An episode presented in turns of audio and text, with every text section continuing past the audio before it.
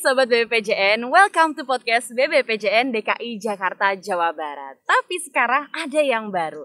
Jadi kalau Sobat BBPJN mau cek YouTube channelnya nih, kamu bisa search PUPR underscore DKI Jabar. Karena sesuai peraturan pemerintah, kita semua sudah mengganti uh, username sosial media. Jadi langsung dicek aja di YouTube channelnya PUPR underscore DKI Jabar. Selalu nih ada yang baru juga di setiap episodenya. Kali ini Ayah berada di uh, Cipatujah dan sekarang Ayah bareng sama Bapak Dedi Haryadi. Halo Pak, selamat siang. Halo Ayah, selamat siang. Nah, kalau ini juga baru nih Bapak ya ada di YouTube channelnya kan sebelumnya kita belum pernah uh, bertemu. Bapak Dedi ini selaku Kepala Satker uh, eh, PJN Wilayah 3 Jawa Barat ya Pak ya? Iya benar. Betul. Nah boleh Pak diceritakan dulu nih Pak untuk tugas-tugas uh, Bapak sebagai Kepala Satker PJN Wilayah 3 itu seperti apa sih Pak? ya, makasih ya ya. Assalamualaikum warahmatullahi wabarakatuh. Hai para sobat uh, eh, PUPR DKI Jabar. Perkenalkan ya, nama saya uh, Dedi Haryadi. Uh, saya sekarang itu menjabat sebagai uh, Kasatker PJN 3 Jawa Barat dan juga sekarang ini merangkap uh, sebagai uh, pejabat pembuat komitmen untuk jembatan Cipatujah ini. Ah. Yang mana sebelumnya itu saya itu uh, bertugas di Jawa Barat itu hmm. baru di Februari 2021 nah, kemarin ya. Sebelumnya saya uh, menjabat uh, Satker bagian satu di Aceh gitu. Oh. 2002, 2018 hingga 2021 kemarin. Hmm. Kemudian sebelumnya juga saya menjabat sebagai Kasatker uh, tol Medan Kuanamu itu di Medan dari tahun 2017 hingga 2018 dan uh, sebelumnya lagi menjadi satker uh, P2JN uh, di Sumatera Utara. Oke, berarti baru ya Pak ya yeah. akhirnya uh, pergi ke Jawa nih. Iya, saya baru ya satu tahun lah saya ah, di, okay. Jawa Barat. Ya. Luar biasa. Jadi pengalaman baru ya Pak ya. Yeah. Ada perbedaan-perbedaan yang cukup seru Pak dari sebelumnya akhirnya berlayar ke Jawa? Ya, sebenarnya sih uh, tugas sebagai kasatker itu tupoksinya sama sih ya. Mm -hmm. Kita sebagai manajerial ya dari para uh, eh, PPK dan juga melaksanakan tugas dari institusi PUPR. Ya. Di sini kita melaksanakan pelaksanaan pembangunan jalan dan jembatan, uh, baik dari segi manajemen, SOP, ya, peraturan-peraturan. Mm -hmm uh, itu sama sih cuman ya berbeda uh, struktur sosial mungkin ya. antara di Pulau Jawa dan di Pulau Sumatera gitu. hmm. Berarti jadi pengalaman yang seru ya Pak. Berarti selamat datang di Pulau Jawa ya Pak ya. Akhirnya uh, berada di Pulau Jawa sekarang. Nah Pak, kalau tadi kan uh, Bapak punya tugas juga sebelum-sebelumnya nih Pak. Tapi untuk tugas yang sekarang sebagai Kasatker Kajian Wilayah 3 itu tugasnya apa aja sih Pak? Dan juga mungkin ruas-ruasnya boleh dikasih tahu sama Sobat BPJ ini biar kita tahu juga. Iya. Yeah. Di Satker Pajian 3 Jawa Barat ini, uh, ayah, uh, saya itu uh, menangani uh, 389,49 km uh, ruas jalan nasional, hmm. yang mana uh, itu setengahnya dari setengah dari Pansela Jawa Barat, DC Daun, Pamengpuk, Cipatujah, Kelapa Genep hingga Pangandaran. Okay. Kemudian sisanya itu dari penghubung lintas antara uh, Pantura dan Selatan yaitu dari Cirebon, uh, Kuningan, Ciamis, Pangandaran dan hingga Barat Sejateng. Ya. Di sini di bagian tiga ini saya mempunyai tiga uh, empat orang uh, PPK atau pejabat pembuat komitmen yang sebagai manajer ruas di masing-masing uh, ruas jalan uh, tersebut. Hmm. Yang mana di PPK 31 itu dari ruas Cidaun, Pamengpuk, Cipatuja. Hmm. Kemudian PPK 32 itu oh ya ada dari uh, Cipatujah Kelapa Genep Pangandaran dan PPK 33 itu dari Ciamis Banjar Pangandaran Baras Jateng hmm. dan yang terakhir PPK 34 itu dari Cirebon uh, Kuningan hingga ke Ciamis. Oke, okay, gitu, berarti ya. cukup panjang juga ya Pak ya uh, wilayah kerja Pak ya. Dedi nih ya. Boleh dong Pak dijelaskan nih uh, asal muasalnya akhirnya ada pembangunan jembatan Cipatujah ini seperti apa? Iya uh, begini ya. Nah, pada akhir tahun 2018 itu hmm. uh, terjadinya bencana alam itu banjir bandang di jembat di jembatan Cipatujah ini yang menyebabkan uh, menghantam abutmen jembatan hingga uh, jembatan ini uh, tumbang. Hmm.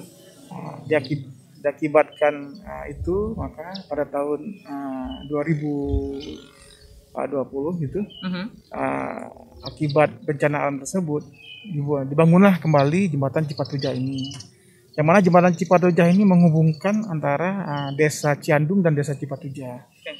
Uh, ruas jalan Cipat uh, ruas jalan Cipatujah ini sendiri merupakan ruas jalan nasional yang mana uh, sangat uh, sangat sangat penting ya di Pansela Jabar. Nah, itu itu sementara yang. Berarti jembatan yang sebelumnya hancur itu yang di sebelah Ya, sini Pak, yang di ya, pinggirnya di ini pinggir ya? ini ya. Oh. Yang sudah kita pasangkan uh, apa uh, sementara kemarin kita pasangkan pada saat pembangunan untuk jalan darurat uh, jembatan Bailey. Nah, Mhm. Nah, kalau untuk perbedaannya Pak antara jembatan yang lama dengan jembatan yang baru, eh, panjangnya, lebarnya itu bagaimana Pak? ya. Uh, jembatan yang lama, uh, jembatan yang lama itu mempunyai lebar yang 4 meter setengah ya, Mhm. itu standar masih stan, masih di bawah standar jalan Oh. nasional kita ya. Karena uh, jembatan yang lama itu merupakan peralihan dari uh, uh, dari provinsi ke ke nasional kita. Hmm. Jadi jembatan yang baru ini, ini kita bangun dengan lebar itu uh, 7 meter, ya, Mhm. menggunakan uh, tiga bentang. Yang mana bentang utama itu uh, menggunakan rangka baja Mhm. tipe Australia dengan uh, panjang bentangnya 80 uh, 81 meter Mhm. dan uh, kiri kanan dari bentang tengahnya itu uh, menggunakan girder, girder uh, jembatan girder itu dengan bentang 25 uh, meter. Mungkin ada teknik khusus nggak sih Pak nih Sobat BPJN pengen tahu Pak kalau dari pembuatannya mungkin ada teknik khusus yang digunakan atau mungkin ada alat-alat yang berbeda dalam pembuatan jembatan-jembatan pada umumnya? Ya, sebenarnya sih jembatan yang kita bangun ini itu Mhm. jembatan yang ya uh, tidak terlalu ini ya, masih standar sih ya. Mhm. Cuman berbedanya kita menggunakan bentang 80 itu merupakan bentang bentang panjang untuk, untuk satu jembatan uh, rangka yang mana uh, biasanya itu paling panjang itu 60. Mhm. Cuman nah, dikarenakan kita di sini uh, secara teknis itu ada diakibatkan kemarin uh, itu uh, bentang span jembatan uh, abutmennya terlalu rapat ke sungai yang menyebabkan dia longsor maka ini diper, diper- dipanjangkan. Oh. jadi 80 jadi uh, abutmen uh, dan pilarnya itu Mhm. pilarnya tidak tidak di dalam air tapi uh, di di darat. Yang menyebabkan itu lebih aman uh, terhadap uh, aliran air dan lain-lainnya. Ayah Oke, nah kalau untuk setiap pembangunan kan pasti juga eh, sering kali ada kendala ya Pak ya, baik Iya. minor atau mayor. Nah, kalau misalnya untuk pembangunan jembatan ini sendiri, kendalanya pada hal apa aja sih Pak? Iya. Ah, begini ya. Sebenarnya ah, di seluruh bangunan itu banyak kendala dan hambatan. ya. Mhm. Di jembatan Cipatujah ini sendiri ah, yang sangat signifikan kemarin ah, kendalanya di awal di pembebasan lahan ya. Hmm. Pembebasan lahan ah, yang sangat ah, ya sosial di sini ah, unsur sosial sangat tinggi. Mhm. Ah, se- sehingga pada ya masih dalam proses itu ada satu bidang tanah yang bermasalah di pembebasan lahan hingga kita harus melakukan proses konsinyasi namanya konsinyasi itu ialah menitipkan uang ke pengadilan ya Hmm. nanti ke pengadilan nanti pengadilan yang memutuskannya gitu sehingga kita tapi proses di pengadilan ini juga sangat rumit ya. Sangat rumit dikarenakan juga eh, dari pemilik tanahnya juga eh, masih kekeh gitu ya bahasanya tetap tidak melepas. Tapi eh, alhamdulillah di akhir-akhir eh, kita berikan pengertian pendekatan dan lain dan juga bantuan dari Muspika dari beberapa teman-teman ya teman-teman dan pemuka adat di sini. Ya kita alhamdulillah bisa diterima walaupun uh, di kontrak perpanjangan ini ada kita melakukan uh, satu kali perpanjangan waktu Oh. ya karena diakibatkan itu ya.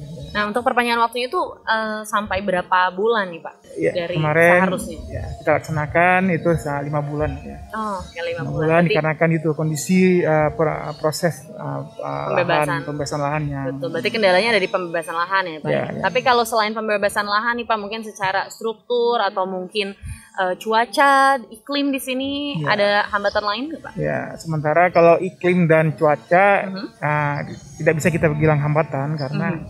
kita tahu sendiri di udah berber itu kan musim hujan ya. Mhm. Nah, tapi uh, apa yang lain tidak uh, masalah pasti ada, cuma tidak terlalu inilah tidak terlalu teknis dan bisa kita laksanakan di lapangan. Ya. Mhm. Eh, kalau tadi mungkin ada kendala ya Pak ya dari pembebasan lahan, tapi dari masyarakat sekitar juga ada bantuan apa nih Pak yang diterima? Mungkin karena kan setiap pembangunan biasanya juga ada orang-orang lokal yang eh, ikut ya Pak ya dalam pembangunan. Nah itu bagaimana Pak dukungan dari masyarakat sekitar? Masyarakat di sekitar sini sangat bagus ya. Mhm. Nah, mereka sangat mendukung pembangunan uh, jembatan Cipatujah ini ya. Hmm. Karena di sini masa- antusiasnya itu terlihat dengan uh, ada uh, para pekerja juga sebagian diambil dari sini.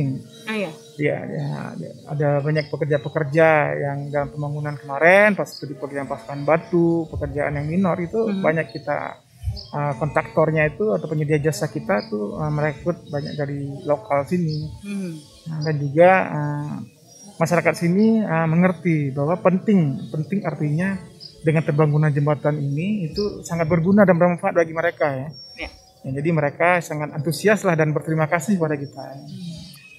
Berarti kalau memang dari sebenarnya ada dukungan dari masyarakat juga cukup besar ya Pak ya Besar. untuk pembangunan jembatan ini karena turut turun langsung bahkan ya Pak ya dalam pembangunan jembatan ini. Jadi nanti mungkin kalau sudah rapi semuanya sekitar kapan nih Pak perkiraannya? Kan Ah. kalau pengoperasian sudah bisa nih Pak udah, Sudah, cukup sudah. lama ya Pak ya kalau pengoperasian. nah, sudah, ini pengoperasian udah udah dari 3 uh, 29 Desember kemarin Mhm. itu mendukung uh, tahun baru itu gitu. Oh, Oke. uh, Nataru itu Mhm. kemarin kita sudah udah udah kita lalui udah kita Mhm. buka aksesnya Nah, akses untuk uh, dilalui oleh masyarakat karena uh, kita 29 kemarin udah selesai sih uh, Mhm. fisiknya Baik, berarti tahun baru jembatan baru ya. Pak, ya. tahun baru jembatan baru.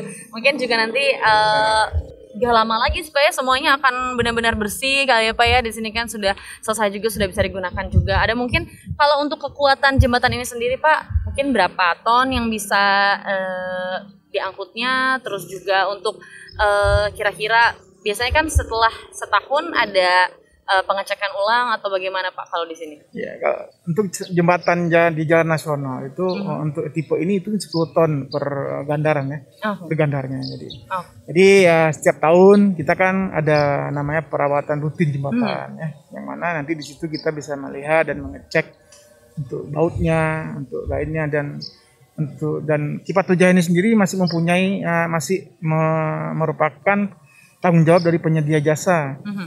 ya ya itu yang melaksanakan juga PT Pilar Patroman ya jadi masih uh, tanggung jawab dari mereka uh, hingga nanti uh, akhir tahun depan Mhm. ini namanya baru kita FHO kan Oh. jadi setiap kerusakan atau defect-defect yang disebabkan dalam masa pemeliharaan hing- eh, atau final handover itu FHO nanti hingga 29 Desember tahun 2022 ini masih tanggung jawab mereka kayak Ah. jadi nanti pada saat kita FAO nanti kita akan turun tim lagi memeriksa apa-apa yang kurang akan diperbaiki lagi sebelum kita uh, melakukan final handover ya di, Hmm. di tanggal 29 Desember nanti 2022 ini. Nah Pak, kalau tadi kita bahas e, beban maksimal yang bisa ditanggung oleh jembatan ini 10 ton ya Pak ya. Nah, tapi untuk jembatan ini sendiri nih Pak, harus ada uji beban atau bagaimana? Untuk uh, peraturannya karena bentang utama kita 80 ya Nah, itu tidak memerlukan uh, uji beban atau commissioning test nggak perlu ya karena uh, syarat dari untuk pengu- uh, pengujian beban itu atau commissioning test itu ya untuk bentang 100 meter ke atas saya Oh, oke. Berarti karena ini di 80 ya Pak ya? ya bentang utama Berarti 80 tidak ya. e, memerlukan uji e, tes Iya, beban ya iya. Pak ya? Begitu. Oke. Nah Pak, kan e, sekarang juga memang ada jalan berkeselamatan ya Pak yang memang harus dipastikan dari setiap pembangunan baik itu jembatan, jalan dan lain-lain pastinya. Nah kalau untuk jembatan ini sendiri apakah sudah lulus dalam e, jalan berkeselamatan? Ya. Mungkin uh, begini ya, bisa saya Mhm. sampaikan di sini di depan Cipaduja ini, ini uh, kita tetap memperhatikan uh, konsep-konsep jalan yang berkeselamatan ya. Mhm. Nah, mana kita di sini bisa kita lihat itu kita memasang railing ya, ring railing, kemudian ada rambu-rambu, marka jalan dan uh, secara geometrik ya, Mhm. geometrik itu uh, kita perhatikan untuk supaya uh, konsep-konsep jalan berkeselamatan itu uh, tetap uh, kita laksanakan di semua proyek kita, bukan hanya di tempat puja saja gitu. Hmm, Oke, okay. berarti dalam setiap pembangunan baik itu jalan, jembatan atau apa pun itu sudah harus uh, selalu ada juga jalan berkeselamatan ya Pak yeah. ya lengkap dengan rambu-rambu, railing dan lain-lain yeah, ya Pak ya. Oh, tetap kita memperhatikan itu. Kita menciptakan uh, bahwa jalan berkeselamatan itu sangat penting ya. Mm. Sangat penting uh, sehingga uh, karena tugas utama kita kan um, untuk melayani masyarakat dan juga masyarakat itu harus uh, ketika melewati kita nyaman dan aman sehingga konsep-konsep uh, laka lalu mhm. lintas mm -hmm. ataupun jalan yang memiliki keselamatan itu sangat penting bagi kita. Nah, berarti memang sudah siap, sudah bisa dipergunakan dengan masyarakat juga secara aman ya Pak pastinya. Dan tentunya nih kalau memang sudah dibuat senyaman dan seaman mungkin untuk masyarakat, jadi pastikan sobat BPJN di wilayah uh, Cipatuja dan sekitarnya juga bisa menjaga jembatan yang ada di belakang ayah ini untuk uh, tetap bersih kondisinya, untuk tetap sama, pasti kondisinya juga tidak ada uh, coretan-coretan yang lain mungkin ya yang tidak seharusnya. Jadi uh, buat masyarakat sekitar kita jaga bersama jembatan Cipatuja ini agar kondisinya tetap sama dari awal pembangunan sampai nantinya. Nah, karena ini juga kan memang sudah selesai ya Pak ya satu yeah. pekerjaan dari uh, wilayah Pak Didi juga sudah rampung. Nah, kalau harapan dari Pak Didi sendiri dan juga teman-teman dari wilayah PCN 3 nih Pak, apa sih harapannya untuk masyarakat setelah adanya jembatan ini dan juga harapan ke depannya nih Pak untuk uh, pekerjaan-pekerjaan lainnya di wilayah PCN 3 ini? Oh ya. Uh, kalau harapan untuk ke depannya, jadi yang sudah kita laksanakan uh, di tahun 2021 ini ada itu paket-paket jembatan, mhm. paket-paket preservasi jalan itu.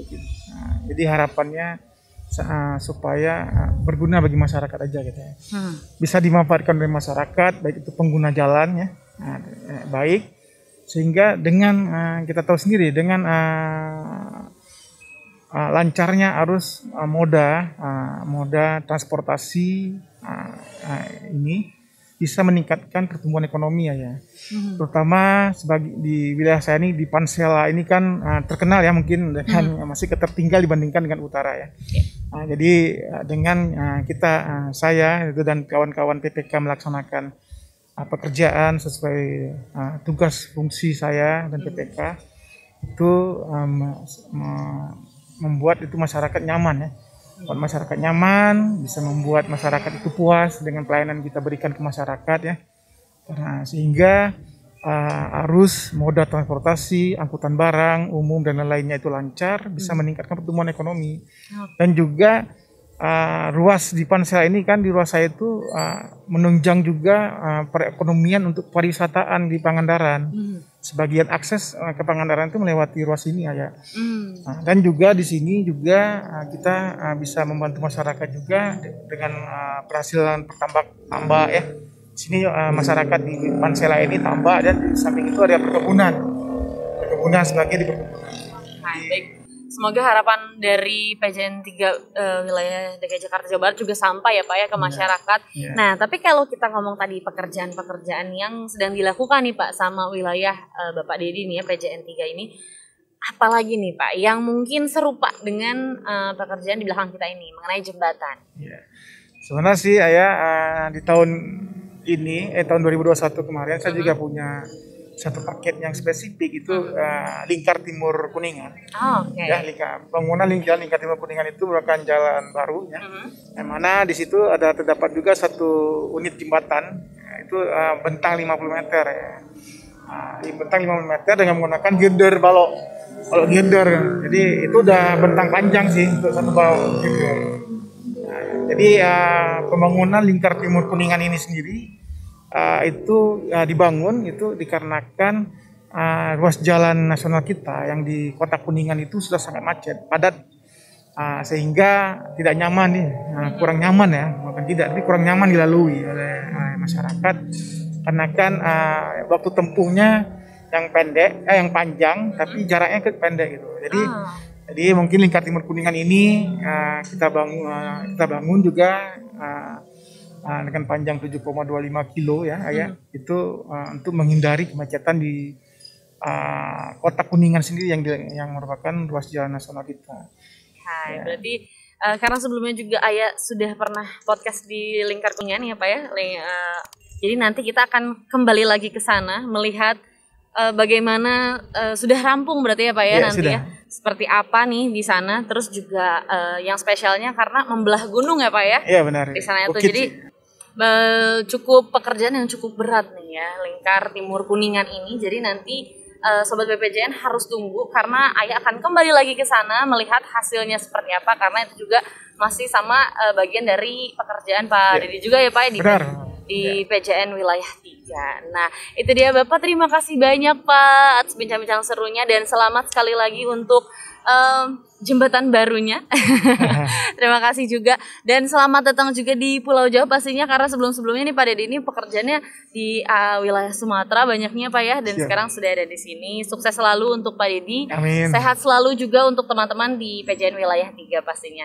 Terima kasih banyak Pak sudah ya. meluangkan waktunya untuk podcast BPJN. Ya, nah itu dia Sobat BPJN. Ayah tadi udah ngobrol seru sama Pak Dedi ini mengenai eh, jembatan cepat uja yang ada di belakang kita ini yang sudah selesai dibangun. Dan uh, Alhamdulillahnya ini sudah bisa digunakan oleh warga sekitar yang pastinya juga sangat bermanfaat dan semoga harapan yang tadi disampaikan oleh Pak Dedi itu bisa tersampaikan juga oleh masyarakat. Dan nantikan podcast selanjutnya yang pastinya di YouTube channelnya di PUPR underscore DKI Jabar ya. Jadi kalau Sobat BPJN mau cek semua podcastnya kita sudah ganti nama YouTube-nya sesuai peraturan pemerintah yaitu PUPR underscore DKI Jabar. Dan nantikan podcast selanjutnya. So, see ya!